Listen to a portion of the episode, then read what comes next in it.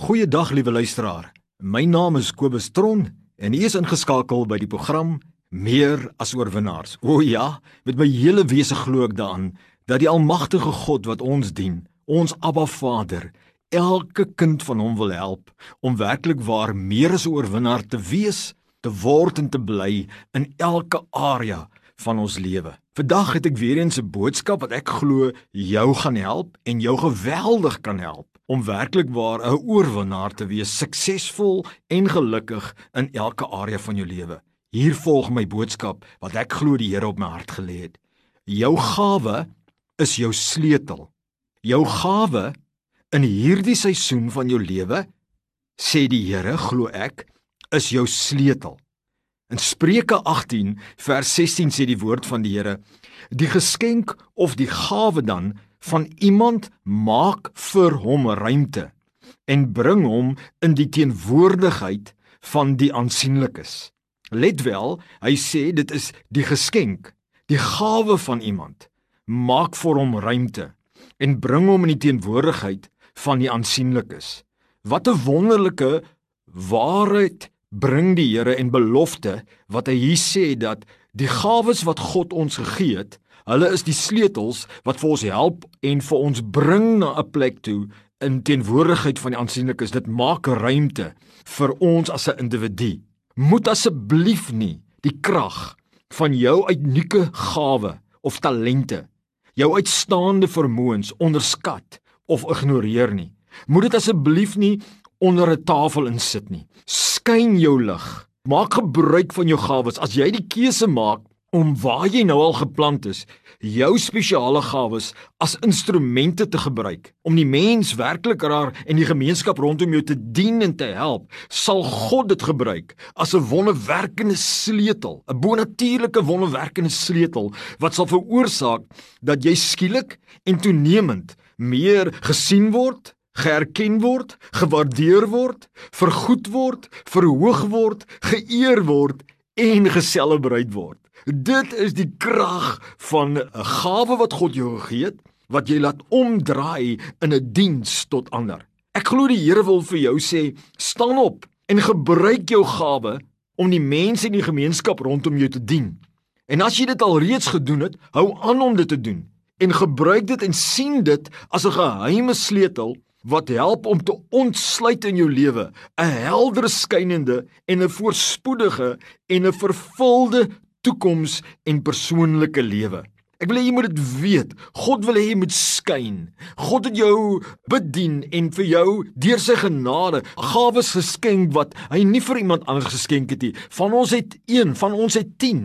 En dit is belangrik dat jy werklik sober gaan kyk na die gawes van jouself en dat jy jouself nie vergelyk met ander mense nie. God wil hê jy moet gaan bedink en sober dink oor die gawes wat God jou gegee het. En wanneer jy seker gemaak het jy het geïdentifiseer dat hierdie gawes hierdie is uitsonderlike talente uitsonderlike vermoëns wat God my gegee het. Vat dit Gebruik dit, draai dit om en gebruik dit as 'n instrument om ander te dien. En jy gaan sien hoe die Here dit gebruik om ruimte vir jou te maak in die lewe. Dit gebruik om nog meer geleenthede te gee. Gaan dink 'n bietjie saam met my, nê, aan Josef. Nou dink jy hoe Josef twee gawes gehad het wat die Here hom gegee het. Hy het leiere eienskappe gehad, hy het 'n droom gehad waar sy broers en alle mense voor hom buig. En dan het Josef hierdie gawe gehad om drome te interpreteer. En dit so regdeur die lewe waar Josef geplant was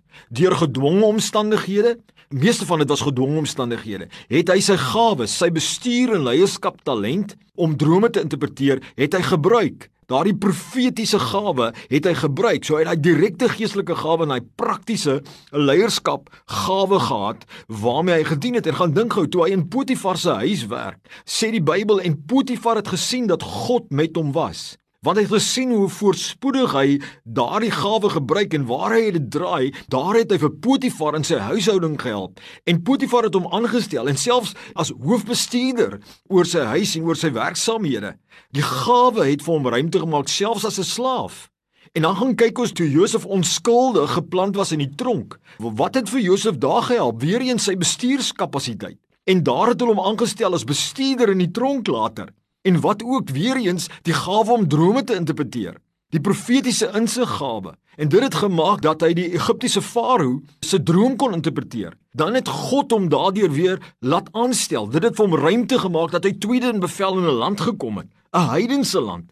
Maar wat is dit wat prakties wat hy moes doen? Hy moes sy sy gawes in 'n vorm van diens tot die gemeenskap omskep het voordat daar ruimte vir hom gemaak kan word. En dit is wat die Here vir ons sê. Die Here wil hê ons moet spesialiseer in ons gawes. En jy moet vir jouself vra, werklik waar, wat is dit wat ek 'n natuurlike uitstaande vermoë het? Is dit om te leer? Is dit om te onderhandel? Is dit om met mense om te kom? Is dit om te hardloop? Is dit om rugby te speel? Is dit om te sing? Is dit om wat ook al? Dat jy werklik sal weet hierdie gawes het God my gegee en ek wil jy moet altyd weet elke groot besondere gawe en kleiner is, het God vir jou gegee en hulle sleutels. Hulle sleutels wat vir jou sal ruimte maak en vir jou geleenthede skep en vir jou help om voorspoed te bring en help om te skyn. Moenie as jy dit geïdentifiseer het daardie gawes, nê? Moenie terug staan nie. Moenie dit onder 'n maatemmer indruk nie, soos die woord sê. Jy's geroep om dit te helde te laat skyn op 'n tafel. Jy moet dit vir mense wys. En daar staan 'n belofte. Spreuke 18 vers 16 sê die Bybel, die woord van God wat nie kan ledig terugkeer nie. Hy sê die geskenk, die gawe van iemand maak vir hom ruimte. Nie miskien nie, hy sê die geskenk van iemand maak vir hom ruimte en bring hom in die teenwoordigheid van die aansienlikes. So dit bring vir jou dit bring vir jou op in 'n hoër posisie. Dit skep geleenthede. Maar dit help nie jy sê jy het dit nie. Dit help nie net jy identifiseer dit nie. Dit help nie net jy jy gaan aan met die werk en jy doen maar net wat almal doen rondom jou nie. Jy moet seker maak en dan begin onderhandel om te kan spesialiseer in daardie gawes want dit is die wonderwerkende sleutel. Jou gawes is die wonderwerkende sleutel. Net soos hy vir Josef gebruik het en opgang laat maak het deurdat Josef spesialiseer in sy gawes. Gaan kyk na Daniël, gaan kyk na die lewe van Jesus, dan sien jy wat het vir Jesus so te sê op die map gebring. En dan sien jy dit was die bonatuurlike gawes van genesing en bevryding en dit was 'n bonatuurlike gawe van lering en hy het 'n uitstaande kapasiteit gehad om daarin te opereer. En dit het vir hom ruimte gemaak. Dit het gehelp aktiveer dat daar goddelike voorsiening was. Dit het vir hom verhoging gebring. Dieselfde met Daniël. So die Here wil vir jou sê, Spreuke 18 vers 16, dis die geskenk, dis jou gawe, dis die gawe van iemand, maak vir hom ruimte en bring hom in die teenwoordigheid van die aansienlikes. My vriend, gebruik jou gawes en dien jou familie daarmee. En kyk hoe dit vir jou ruimte maak in jou familie. Gebruik jou gawes en dien jou gemeenskap. Dien die plek waar jy werk. Probeer om daai gawes te aktiveer en jy gaan sien die Here gaan dit gebruik. Jou gawe is jou sleutel. Jou gawe is jou sleutel. Dis wat ek vandag vir jou wil sê.